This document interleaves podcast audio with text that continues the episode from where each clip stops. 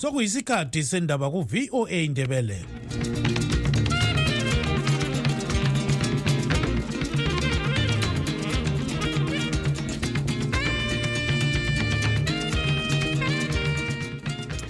olamukela emsakazweni westudio 7 ngolwesine mhla ka-18 zibandlela 2024 ngutabo kancube.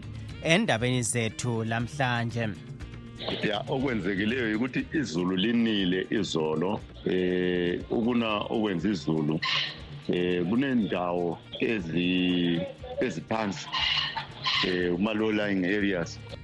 Izindlu zabahlali bedolobho legweru zitshona emanzini kulandela ukuna kwezulu eliningi emapholiseni ngihambile baba chris gande. Ngayithola ipanel yonke ibikhona. Ya indaba akade belayo kakhulu yindaba ye-ground okokuthi why mina ngakhuluma ukuthi umnangagwa kufuze ukuthi eqhunywa ikhanda.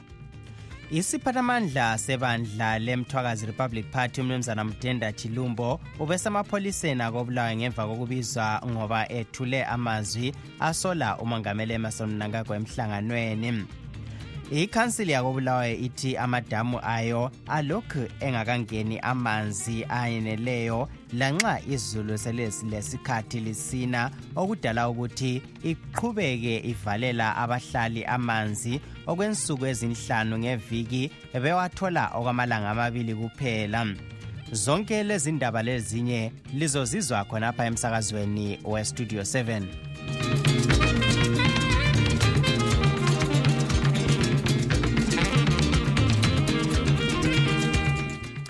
izindlu zabahlali bedolobho legweru zibikwa sezitshona emanzini kulandela ukuna kwezulu elinengi. Iphephandaba le-herald libika ukuba uhulumende uhlele indawo lapho izakhamizi ezibhekane lodubo lolu ezingalala khona. Kodwa abakhulumisane le-studio 7 balandule ukuthi uhulumende uyabaphathisa. Uchris gande we-studio 7 uxoxele esinye isakhamuzi segwero umnumzana chris ndlovu ukuze sizwe okuningi ngalolu daba. Ya okwenzekileyo ukuthi izulu linile izolo eh ukuna okwenza izulu eh kunendawo ezi eziphansi eh uma low lying areas ezinjengabomtapa eh part of Mambo township imtapa mtapa township Mambo township nendawo ezinjengabo kubo Montrose nezinye indawo njenge bomkoba township ngale. Ya ezinama flow angaqansanga eh ukunokwenza izulu amanzi abe maningi kakhulu ukuthi agcine esengena ezindlini.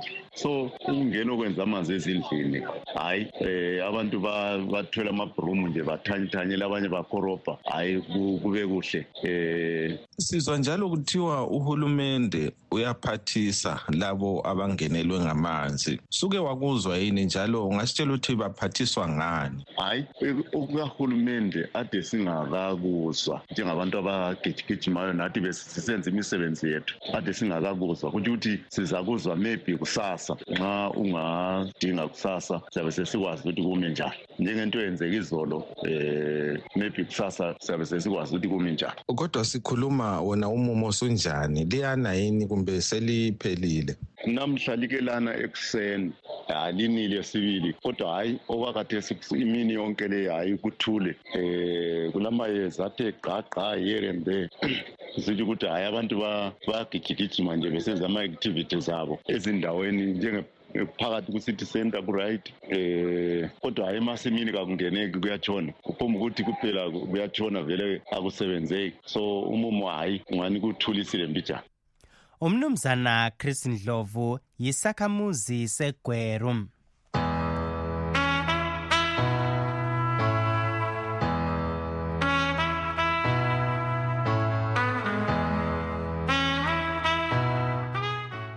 Isiphathamandla sebandla lemthwakazi republic party umnumzana mudenda chilumbo ubesemapholiseni akobulawayo ngemva kokubizwa ngoba ethule amazwi asola umongameli emerson mnangagwa emhlanganweni. Umudenda ubikwa ethule amazwi la emhlanganweni webandla leli oyenzelwe emakhokhoba ngomgqibelo. Leli bandla liphakathi kokudonselana amandla ngemva kokuba umkhokheli walo umnumzana mqondisi moyo etheswe amacala ambala okuthiwa abangele ukuthi axotshwe. Kodwa yena uthi nguye olokhe ekhokhela. Umhlangano wangomgqibelo ophiwe igama lokuthi umkhombandlela rally ubungokwazisa ngokwenzakala kuleli bandla. Uchris gande westudio 7 uxoxele umnumzana chilumbo ukuze sizwe ngokubizwa kwakhe ngamapholisa.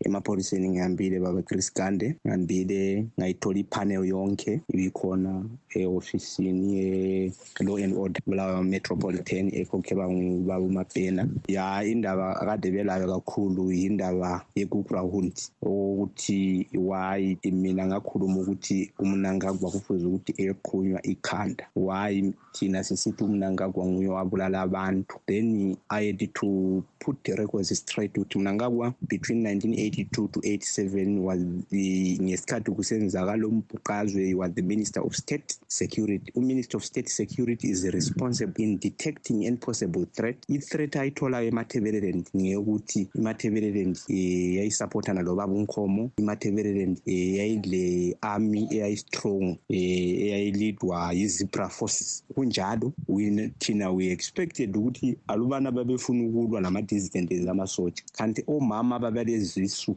ababebekhipha izisu lama-bionets babeyenzeni. I-dissident limithwa ngokuginywa yini? Kumbe umuntu umitha ngendlela esiyaziyo sonke ukuthi umitha njani umuntu so eh le ndaba ye-referendum ukuthi why selikhuluma ngendaba ye-referendum lizayenza njani? Transithi i-referendum is a peaceful process. Siyabuya kini sizocela imvumo yokuyoyenza ama-referendums imathebeleni leziholo kodwa lingasincitsha imvumo liyabe lifuna uku-incite i-violence. Asisoze sikhulume ngokuthi i-referendum sizayiquba njani sitshela lina ngoba lina you are a partisan entity. Alisalandeli umthetho we-constitution. But thina at international level we are allowed ukuthi siqube i-awareness ye-referendum i-referendum yikho lapho kufunta abalaleli bekuzwisise yikho lapho kuzanikwa ithuba abantu bemathebeleland ne-midlands ukuthi bekhethe ukuthi basafuna yini ukuba ezimbabwe kumbe abasafuni. Kuyabe kuvotwa u-yes or no. Abemathebeleland babe bevotela u-yes sifuna ukuphuma. Ongafuniyo oyabe efuna ukuthi elokhu eyalele kuhulumende wama-shonaland uyavotela ukuthi no. So i-awareness yona leyo should be peaceful and the police must comply because it's lawful. Manje amapholisa atheni athe aseqedelane lawe na kumbe belokhu beza kudinga ukuthi bakhulume lawe njalo kumbe sokuphelile? Chris gande into ekhona ngekuthi um bona akade bekudinga bakutholile. Sibacele sathi thina in zimbabwe as long thina abantu bemthwakazi sesephakathi kwezimbabwe there should be an inclusive application of law whereby all political parties must face the same constitution izanu p f ingayenziwa umathanda libakhangele lina lingama-law enforcement agents it means liyabe li-incite ukuthi lathi siphindisele ngoba lina ngalisithi ubaba umnankagwa ayisuye yedwa owayenza igugrawund ikanti-ke thina siyakwazi into ayikhuluma eluphani kwavuka kusifa abantu um abangu-55 ngo-1983 we have got those videos and audios in our archives and across all the spectrum of all political and uh, civil society organizations in mathebelelen um umnankangwa nxa esima laphana ethi ufuna ukuqhuma abantu bemthwakazi amakhanda liyamyekela even samondi. Kulezinto eziso um social ezinjengokuthi uchairman wembuyane district kobulawayo bathi amapholisa wecouncil be-enforce law ku-five avenue bexotsha amavenda angekho emthethweni. Wama wa-incite i-violence wathi akula muntu oxotshwayo sesisokuluyimpi alizange abazange bamsamona. So we, emphasize i emphasized them ukuthi there should be any selective application of law.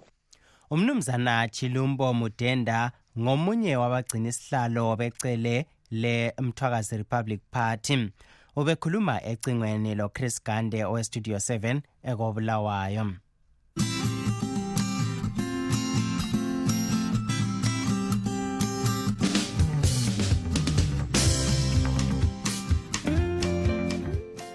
Ikhansili yakobulawayo ithi amadamu ayo alokhu engakangeni amanzi ayeneleyo lanxa izulu selilesikhathi lisina. Okudala ukuthi iqhubeke ivalela abahlali amanzi okwensuku ezinhlanu ngeviki bewathola okwamalanga amabili kuphela.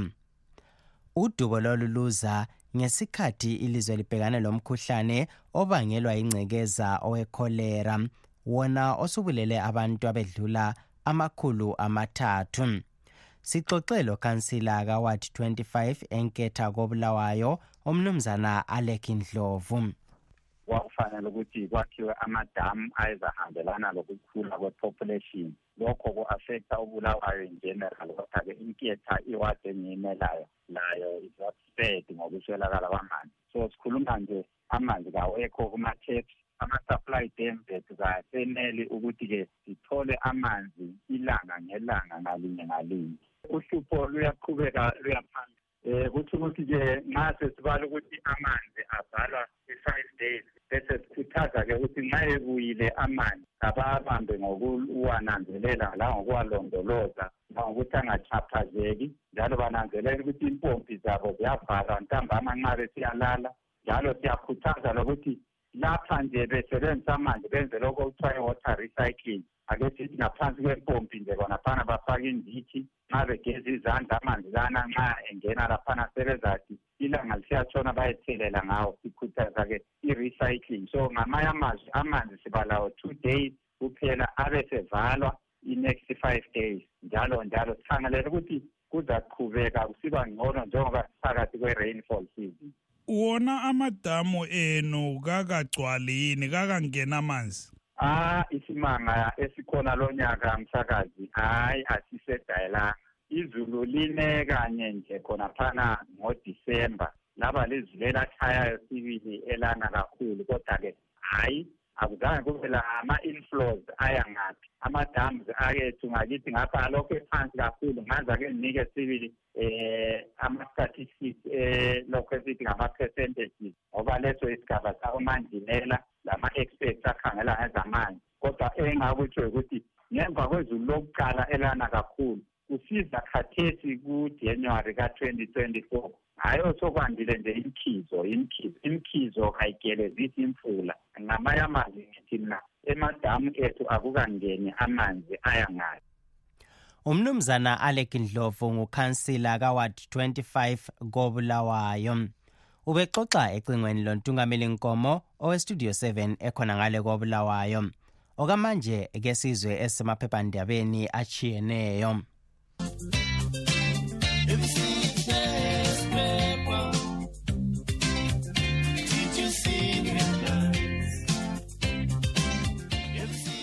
iphephandaba le-herald lilodaba lokuthi amapholisa abophe izikliwu ezinhlanu ebezithwalise nzima izakhamizi zebait bridge okwenyanga ezinhlanu ezedluleyo.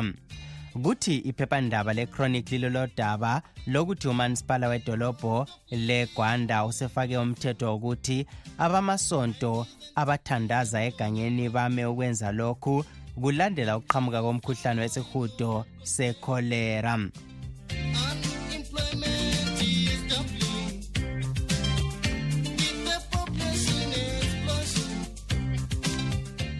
uhulumende wemelika olubona ngoncedo oluphiwa amazwe asathuthukayo olwe-united states agency for international development usaid namhlanje lunikeze usizo lokudla okubiza izigidi ezedlula ezilithumi zamadola emelika 11.27 million us dollars phansi kwenhlelo lenhlanganiso yomanyano wamazwe omhlaba e-world food program usizo lolu ngolokuphathisa labo abahlaselwe ludubo lwendlala ezimbabwe. Kubika umlondolozi ndlovu.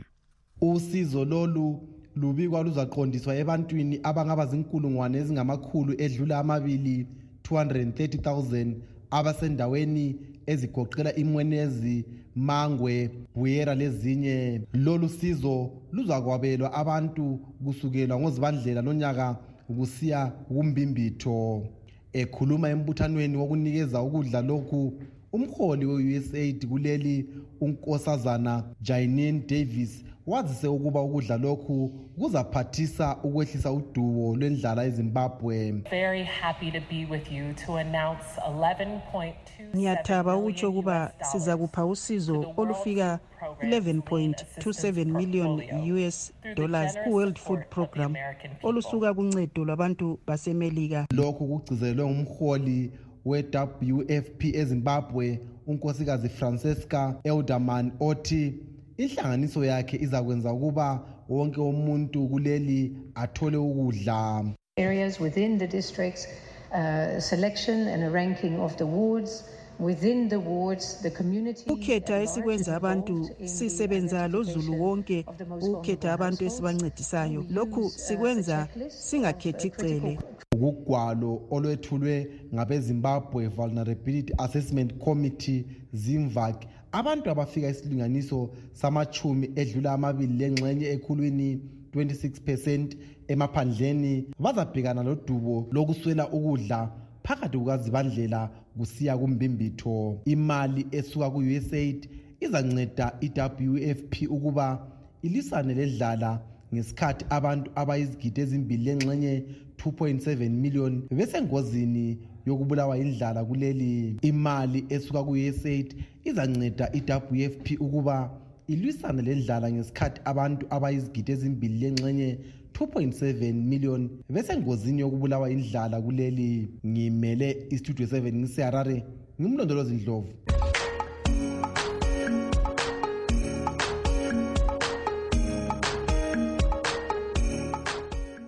okwamanje sengidedela emuva ngilichiya ezandleni zenu lina balaleli bethu kumbono yenu elisithumele yona ngewhatsapp. Eh salibonani salibonani baphathi be-studio seven. Abaphathi abangakhethi ihlangothi siyabonga.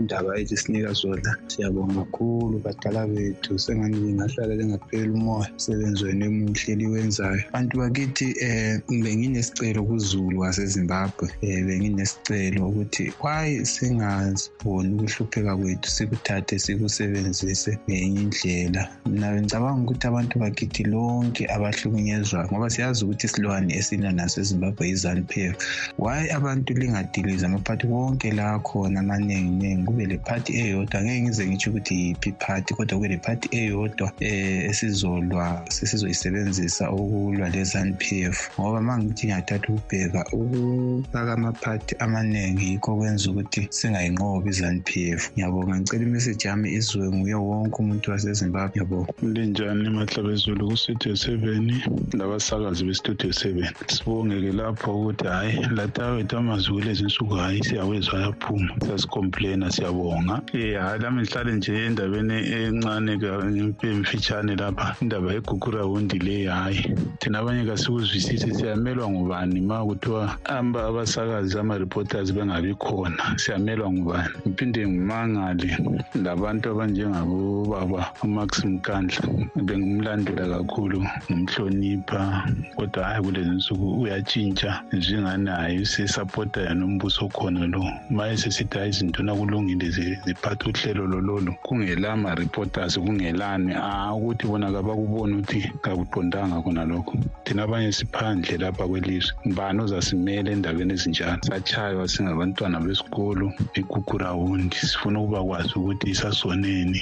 Izinto ezidinga impendulo zonke lezo. Ngiyabonga. Salubonani kwestudio seven. Ngathi siyanceda hhayi isibungi nathi izindaba ezimnandi bantu abadala. Hhayi kodwa mina ngedwa mina hhayi lobani hhayi ezimbabwe mina vele ngazala ngathola ibolile lamanje vele lokhu ibolile angikhona ukuthi into engaphinde ibe right liyani velizwe elizinikelayo siqeda kula mntu akwaziyo lokwi-afrika yonke. Yes sanibonani sanibonani sanibonani um kwistudio seven. Um khulumayo ngumazibuko. Um siyabezwa abantu bayakhala bethi ye usengeze shabango liseni lathi kahle kahle um bona ma bekhumbula ma becabanga babona ushamisa ekhona umehluko azowenza ma becabanga nje. Yethi bengaboni ukuthi izanu p f p leya um izanu p f p wakwabona kuphi iqembu wena elihamba ngomkhokheli yedwa ofaka izinqumo zakhe yedwa? Abantu inkinga babovuka kahle kahle siyanitshela nje abantu bakithi ukuthi mane entweni zesitshoneni alizwisisi uzolivusa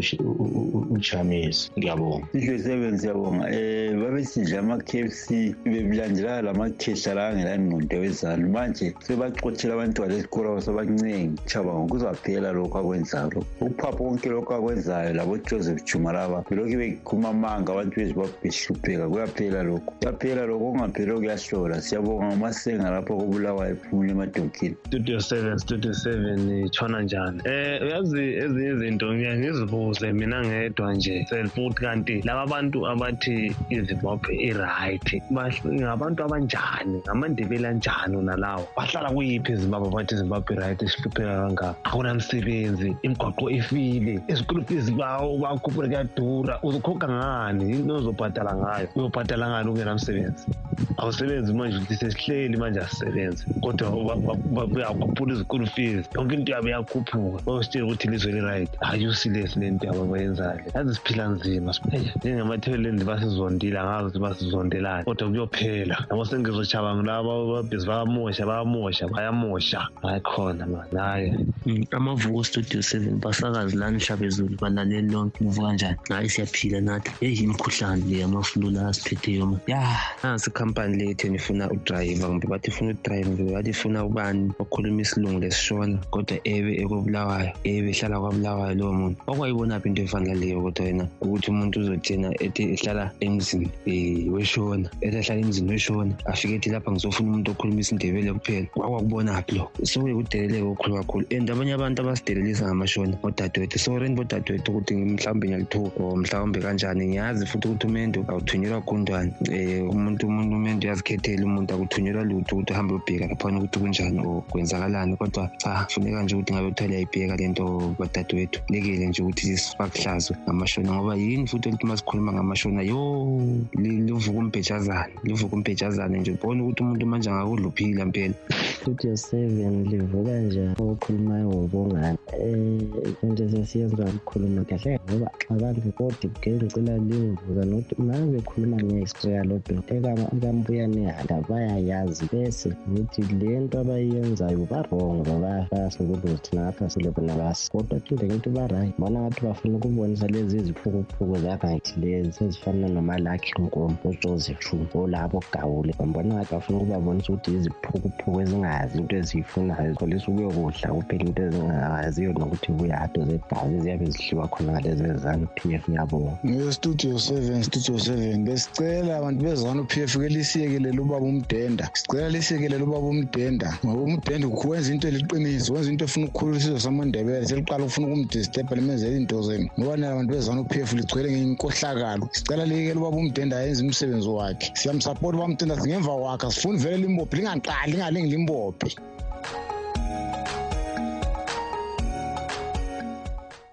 Lawo bekungamazwi enu lina balaleli bethu elisithumele wona ngewhatsapp kunombolo ezithi plus 1 202 465 0318 kwezemidlalo imidlalo yenguqu e-africa cup of nations iqhubekela phambili namhlanje ecote divoire. Abaningi bekhangelele umdlalo ophakathi kwe-ivory coast lenigeria kanye lowe-egypt leghana. Omunye njalo umdlalo ozadlalwa namuhla uphakathi kwe-equatorial guinea le-guinea bissau. Sixoxa lothandazani zimbwa ingcwethi yezenguqu njalo eyintatheli zindaba umncintiswano we-african nations cup walonyaka uthembisa izimanga ngemva kwemidlalo yekhasi lokuqala yona eqale ngomgqibelo odluleyo. Amaqembu athize akhangelelwe ukuba zintshantshi kumncintiswano walonyaka aboniswe gadalala kugoqela ighana yona enqotshwe two one yi-cape verde. Kwazi ukuthi itunisia layo yamangalisa abaningi lapho enqotshwe khona liqembu lenamibia one zero. Kusenjalo kuleminye njalo imidlalo okuginqiswe khona ebezithenjiwe njengomdlalo we-egypt lemozambique ophele unguchikilobhanqa two two. Imozambique iphose yanqoba kulo umdlalo lapho ekhokhele khona two one kwaze kwafika duze lasemaphethelweni kodwa iqembu lakwabofaro lenelisa ukuthola umkomelo owodwa behlohlelwa umbekwa ngumohamed salah. Namhlanje kule midlalo esiyikhangeleleyo emithathu uyibona njani limidlalo akubizwa ozwayo ngoba kulemidlalo ekhangelelwe ukujabulisa abaningi ikakhulu lapho okuzadibana khona i-ivory coast lenigeria kube sokusithi i-egypt leghana omunye njalo umdlalo ozabe ukhona yi-equatorial guinea idibana le-guinea bissau. Qembu okumele abophe ziqine agoqela inigeria yona eyathwaliswa katalala yi-equatorial guinea zaqeda kunguchikilobhanqa one one kuzokuthi icameroon layo kumele ibone ukuthi iyabopha ziqine njengoba umdlalo wayo wagcina unguchikilobhanqa one one le-guinea abaningi bebekhangelele iqembu le-south africa ibafana bafana njengoba liseduze eh, lezimbabwe laphana eh ubone njani lo mdlalo? Lanxa njalo bengakhangelelwanga ukuya khatshana iqembu lemzansi elebafana bafana lidanise uzulu omningi ngokunqotshwa kumdlalo wabo wakuqala two kwa-zero yimali. Ngalelo-ke kukhanya kuzaba ngumqanso ukuba iphumelele iyefika kwisigaba esilandelayo ngoba sokumele inqobe kutunisia lakunamibia. Uthandazani zimbwa ingcwethi emdlalweni wenguqu njalo eyintatheli izindaba ubexoxa le-studio 7 ekobulawayo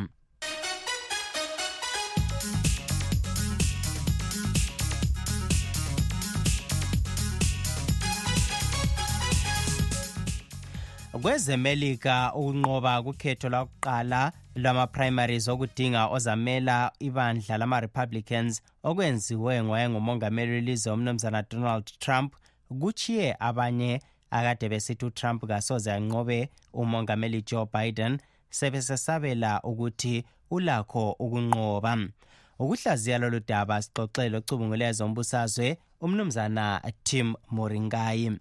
I-politics ze-america lama-elections adecide-wa ngama-independence suburban women le-college educated women um lama labanye nje abangantu ababe sefensini okwathesi sibona ama-polls ekhuluma esithi yena uzanqoba ngonovemba ngoba uphambili in all categories. But thina esikwaziyo ukuthi eh, ama-polls ayakhuluma enye into and then ngelanga lokuvota is a different thing. So indaba zakhe lezi ezikhona kuma-court ngathiwa zizaba le-effect abantu sebekhangela kuma-elections esiqalisa ngabo-september khonapho. Okwakathesi hhayi ikukhuluma nje ngoba siyakwazi ukuthi abantu abaningi they don't tune in uh, physically and emotionally. Emotionally and mentally eh kuma election statistics until sokuchaya bo September izinto eziqhakathekileyo is i-peace i-economy eh le general vision for the country. Kodwa nxa sikhangele inhlelo zika mnumzana Joe Biden zilakho na ukubangela ukuthi anqobe kukhetho nxa ukhangele indlela kade esebenza ngayo. Sizwe ukuthi i-inflation akusela eh, i-interest rate inganthwa isiyehlile from 8% lapho angena khona to now 6.3 so into eqakathekileyo. I-unemployment uh, is below uh, 5% or 3% but uh, ama-numbers ona lawo aqakathekile. I-gas or i-petrol e-diesel seziphansi kwe-4 dollars ezazikiyo yena ubiden engena. So kathesi ungahamba kuma-filling station i-petrol is uh, 2 dollars 80 cents average eh which is a good thing ngoba lakho kuyanceda i-economy istimulate so khonapha izinto eziyenzwa ngumongameli uBiden have kind of shown effectiveness and nganthiwa kuyasebenza. But unganthiwa i-messaging ye-team yakhe ayiphumi kuhle ngoba abantu baka-Trump le-Republican Party sebenganthiwa bakhomba ukuthi uBiden seluphele yena kasakwanisi ukuba in a position which demands so much attention. But siyakwazi ukuthi hayi eh, umnumzana Biden is less talk more action. Eh sibona umnumzana Biden ekhuluma ngendaba zekuthi eh, asisafoni umuntu onjengo Hitler okhuluma njengo Trump. So khonokho angikwazi ukuthi imessage yona le izabamba yini ngoba uTrump uthe ngangena uzahamba ayebopha bonke ababemphikisa and then yenze intando yakhe in the constitution of the america. Umnumzana tim morinkayi ucubungula ezombusazwe ubekhuluma ecingweni lestudio 7 esevirginia khona ngapha emelika. Silugqiba ke lapha uhlelo lwethu lwanamhlanje olivalelisayo ngutabo kancube